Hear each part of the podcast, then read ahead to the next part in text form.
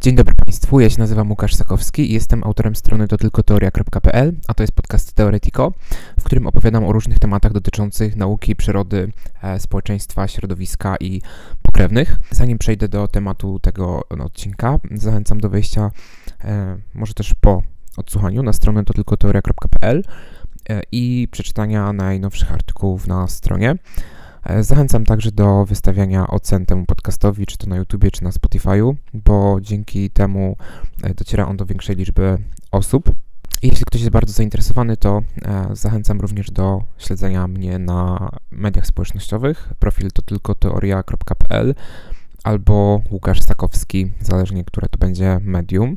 A przechodząc już do sedna, to dzisiejszy odcinek będzie e, odcinkiem, który powstał we współpracy z Polskim Stowarzyszeniem Ochrony Roślin. Będę mówił o środkach ochrony roślin i o pestycydach. Um, no i zapraszam. W pierwszej kolejności chciałbym powiedzieć, czym są w ogóle pestycydy i czym są środki ochrony roślin. Pestycydy to pojęcie szerokie, obejmuje wszelkie środki służące do zwalczania niechcianych organizmów, różnych organizmów, przede wszystkim w odniesieniu do upraw, ale nie tylko. E, pestycydy Stosuje się także na drogach, w basenach wodnych, budynkach mieszkalnych, magazynach czy w publicznych parkach, a zatem e, z tego wynika, że pestycydy to nie tylko substancje wykorzystywane w rolnictwie czy zieleni miejskiej, ale też produkty do zwalczania komarów czy choćby e, upierdliwych karaluchów. Pestycydy, które zostały dopuszczone do ochrony e, zdrowia roślin, nazywane są środkami ochrony roślin i to jest ta różnica pomiędzy e, pestycydami i środkami ochrony roślin. E, środki ochrony roślin są produktami analogicznymi do leków stosowanych w medycynie, medycynie ludzi i zwierząt zresztą też. Głównym składnikiem produktu e, takiego środku ochrony roślin jest substancja czynna lub kilka takich substancji, która odpowiada za jego działanie. Substancja ta może mieć pochodzenie naturalne albo syntetyczne, czyli tak jak w przypadku leków dla ludzi i zwierząt. W skład produktu mogą wchodzić też substancje pomocnicze, czyli no, nośniki, rozpuszczalniki, e, synergetyki, adiuwanty itd. Tak Zgodnie z prawem Unii Europejskiej każda substancja czynna musi być bezpieczna pod względem zdrowia ludzi, zdrowia zwierząt i wpływu na środowisko, dlatego podobnie jak leki, środki ochrony roślin, zanim trafią na rynek, przechodzą serię badań, e, coś ala odpowiedniki badań klinicznych, a także muszą przejść proces rejestracji na poziomie unijnym, czyli autoryzacji substancji czynnej oraz autoryzacji na poziomie krajowym. Etap badawczy dla e, środków ochrony roślin trwa w Unii Europejskiej średnio 9 lat. W tym czasie substancja, która kandyduje do e, bycia takim środkiem ochrony roślin, jest podawana ponad, e, poddawana ponad 150 testom. Podczas badań ustala się nie tylko właściwości tej substancji, właściwości fizyczne czy chemiczne, ale też jej skuteczność, toksyczność, wpływ na środowisko itd. Tak Sprawdza się, jak szybko substancja ulega rozkładowi w środowisku, w jaki sposób jest metabolizowana przez daną roślinę, na którą ma być stosowana, jakich poziomów pozostałości po tej substancji można się spodziewać po, jakich, po określonych okresach, mm, a także czy i w jaki sposób substancja wpływa na pszczoły i całe środowisko e, i generalnie zapylacze. Badania prowadzone są na pszczole miodnej jako organizmie modelowym, bo pszczoła miodna to jest no, de facto gatunek hodowlany, mm, tak jak na przykład e, szczury laboratoryjne. E, I E, przechodząc dalej, e, wszystkie te testy mają za zadanie ocenić, czy e, ta substancja wpływa jakoś, jeśli tak, to jak na osobniki dorosłe, e, czy na mm, jednorazową e, reakcję, czy w przypadku jednorazowej reakcji, czy w przypadku m, takiego e, regularnego, dalekosiężnego, chronicznego narażania. No i badania wraz z procesem autoryzacji stanowią swego rodzaju sito, które przepuszcza zwykle tylko jedną na 160 tysięcy substancji kandydujących jako środek ochrony roślin. Więc to jest też podobnie jak w przypadku leków, gdzie bardzo dużo substancji jest badanych, ale niewiele z nich ostatecznie zostaje dopuszczonych do użytku. No i z tego też e, względu um, dla takiej firmy chemicznej czy firmy agrochemicznej, która chce e, dany, dany środek e, ochrony roślin wprowadzić na rynek, to wieloletnia inwestycja sięgająca setek miliardów euro. Tutaj mam dane z 2018 roku, gdzie przytacza się 240 milionów euro na jedną substancję. No i jeżeli chodzi o takie systematyczne formalności, to e, środki ochrony roślin dzieli się przede wszystkim na chwastobójcze, czyli herbicydy, owadobójcze, czyli insektycydy, fungicydy, czyli środki grzybobójcze, e, oprócz tego algicydy, które zabijają glony, bakteriocydy, czyli przeciwko bakteriom, e, nematocydy przeciwko nicieniom, moluskocydy przeciwko ślimakom. Przechodząc do szczegółów badań nad e, środkami ochrony roślin, no to warto tutaj podkreślić, że duże pieniądze z tych 240 milionów euro średnio na substancje e, przeznaczane są w ogóle do tego, żeby wynaleźć e, jakąś cząsteczkę, która może potencjalnie e, zadziałać na przykład grzybobójczo czy chwastobójczo. E, potem trzeba ją syntetyzować, czyli stworzyć e, tak fizycznie, chemicznie, żeby ona zaczęła istnieć.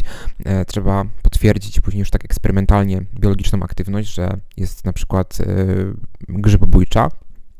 E, I jeżeli spełnia te wszystkie założenia, przechodzi do badań toksykologicznych, w których ocenia się, jak bardzo taka substancja e, jest toksyczna, zarówno właśnie, jak mówiłem wcześniej, w podaniu jednorazowym, jak i w takim podaniu czy narażeniu na nią wielo, wielodniowym czy wielotygodniowym.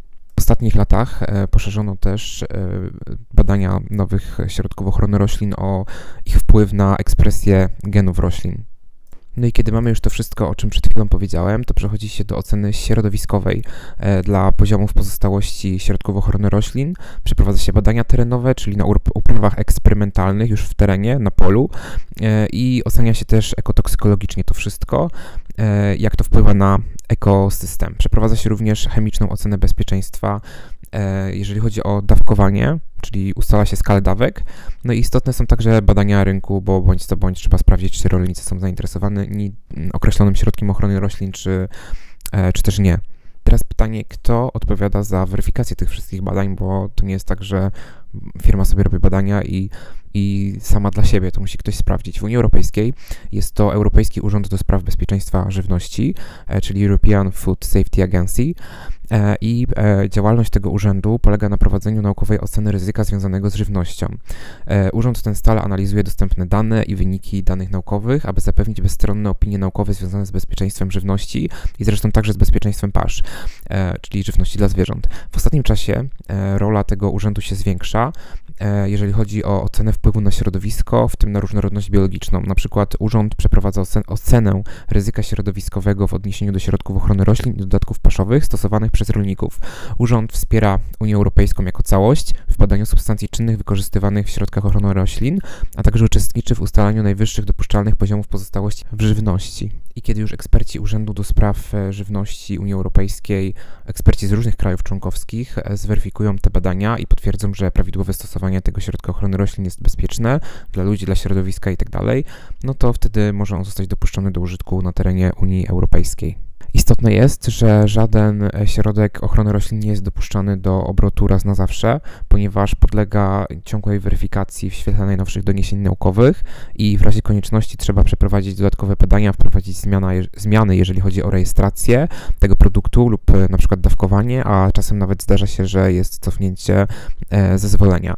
No i jeżeli chodzi o Polskę, to naszym takim krajowym e, instytutem, instytucją, która się tym wszystkim zajmuje, jest Narodowy Instytut Zdrowia Publicznego, Instytut Ochrony Środowiska czy Instytut Ochrony Roślin e, i one oczywiście współpracują z Urzędem Europejskim do Spraw Bezpieczeństwa Żywności. Współpracują także z ministrem rolnictwa i rozwoju wsi, który również dokonuje oceny e, tej dokumentacji, jeżeli chodzi o zgodność z wymaganiami itd. Tak Wszystko to, co opowiedziałem, jest oczywiście na podstawie e, prawa. W Polsce istnieje kilka aktów prawnych, które regulują środki ochrony roślin, ich rejestrację, używanie itd. Tak Przede wszystkim jest to ustawa o środkach ochrony roślin z 2013 roku, a także rozporządzenie Parlamentu Europejskiego i Rady z 2019 roku.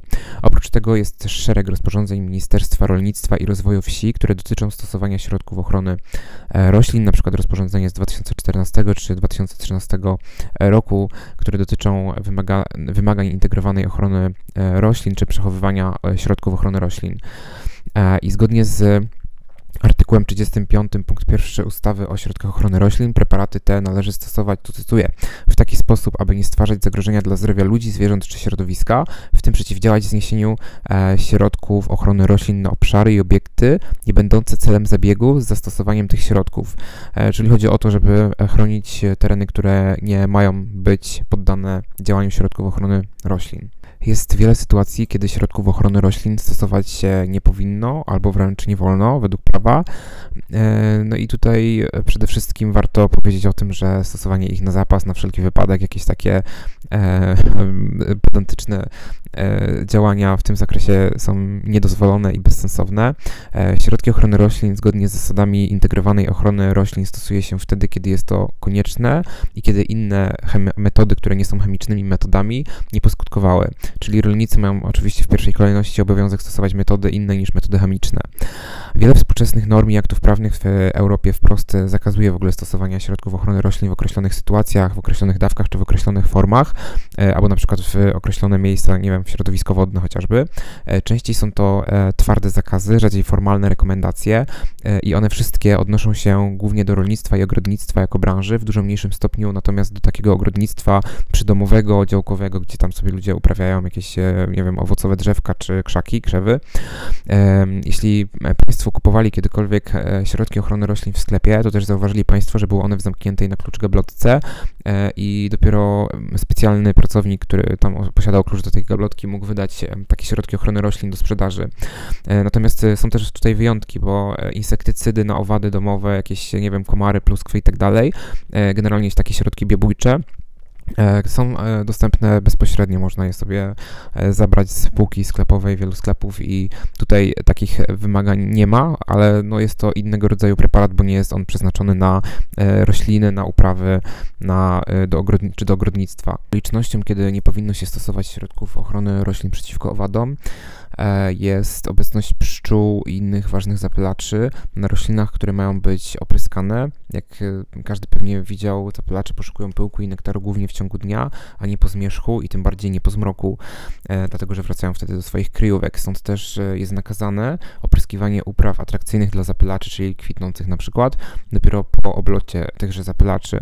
No i w praktyce jest to późne popołudnie, wieczór czy nawet noc.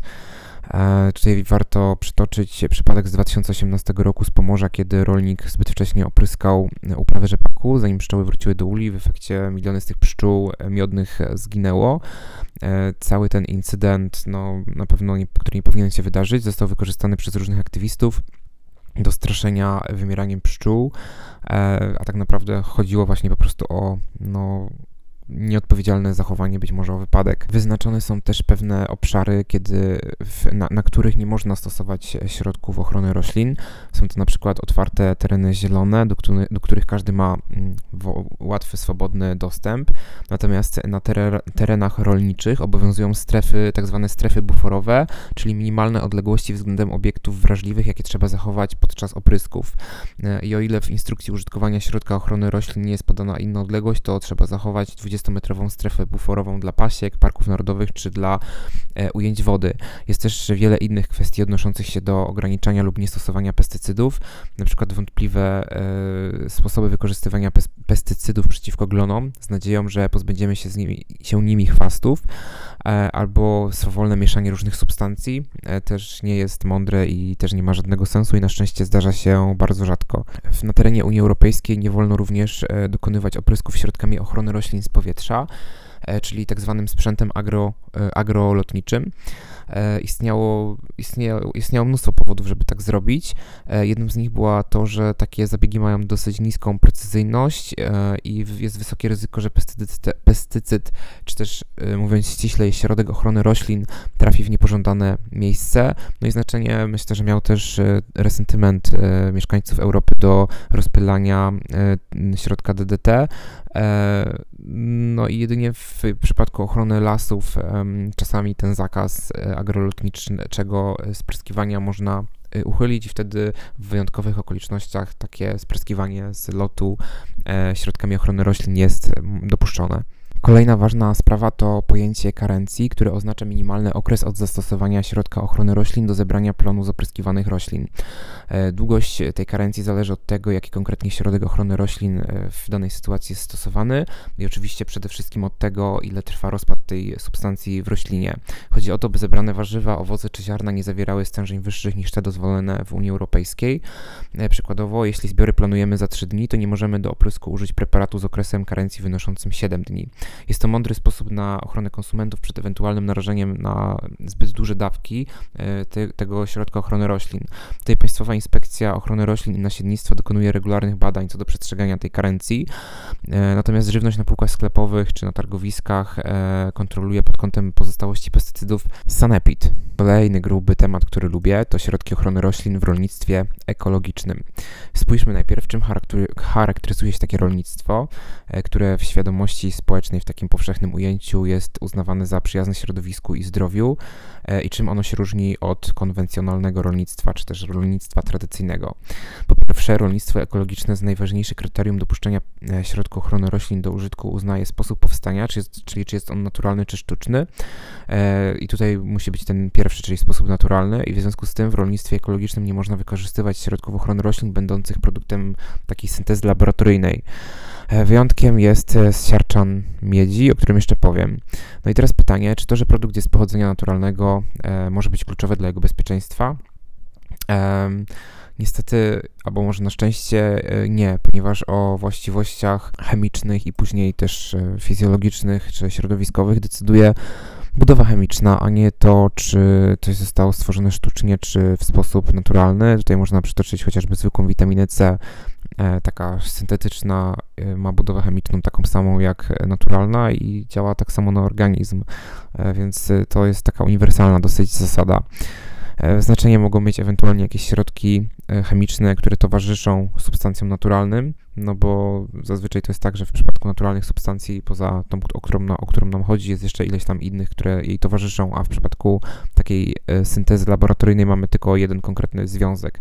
Więc różnice mogą czynić te dodatkowe związki chemiczne, które są w, w, w produktach naturalnych, tutaj już mówię szeroko ujęty, w szerokim ujęciu, nie tylko o środkach ochrony roślin, ale w ogóle o różnych lekach, suplementach, żywności i tak dalej. A jeżeli chodzi o tę naturalność e, w rolnictwie ekologicznym, no to na przykład środki ochrony roślin oparte na siarce, które są naturalne, są dozwolone e, w, w rolnictwie ekologicznym, podobnie jak w rolnictwie konwencjonalnym. Także to jest tak niejednokrotnie, że rolnictwo ekologiczne korzysta z tych samych pestycydów czy środków ochrony roślin, z których korzysta e, zwykłe, tradycyjne rolnictwo. Natomiast procedura rejestracji też jest taka sama, czy to jest substancja pochodzenia naturalnego, czy substancja pochodzenia syntetycznego, to cały ten szereg badań, o których wcześniej mówiłem, i proces rejestracji jest w jednym i drugim przypadku taki sam. Dobrym przykładem tego, że nie każdy środek ochrony roślin stosowany w rolnictwie ekologicznym jest jakiś super e, dobry dla środowiska czy bezpieczny,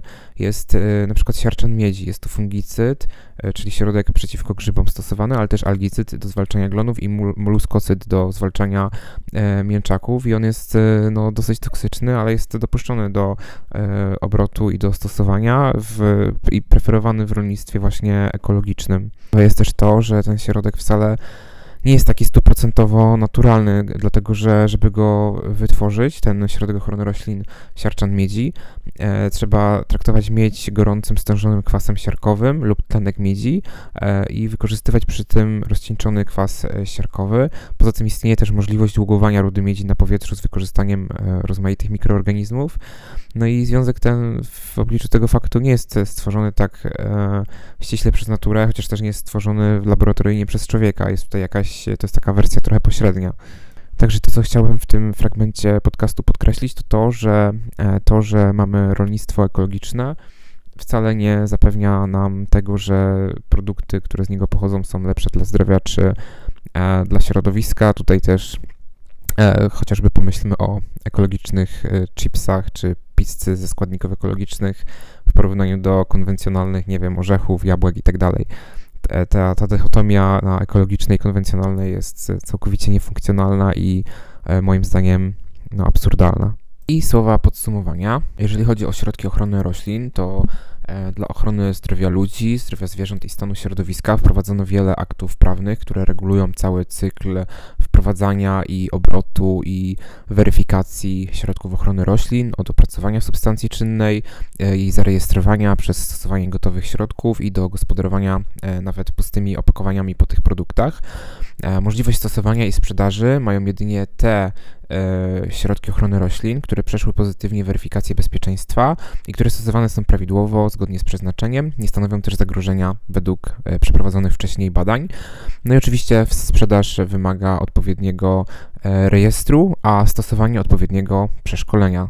Jednym z pojęć, które lubię, do którego lubię się czasem odwoływać, jest tak zwana naturofilia, czyli pędzenie za tym, co naturalne, albo co wydaje nam się naturalne i traktowanie tego um, jako czegoś lepszego, jako czegoś bardziej właściwego, e, no w taki sposób faworyzujący. Tymczasem jednoznacznie można stwierdzić, że oczywiście wiele kwestii naturalnych jest, e, wiele rzeczy naturalnych, nie wiem, e, miejsc naturalnych jest czymś pozytywnym, dobrym, ale jeżeli chodzi o produkty, to nie zawsze jest tak, że to, co jest bardziej naturalne, jest dobre czy lepsze od tego, co jest mniej e, naturalne i w, tak jest przynajmniej w przypadku mm, właśnie spożywczym.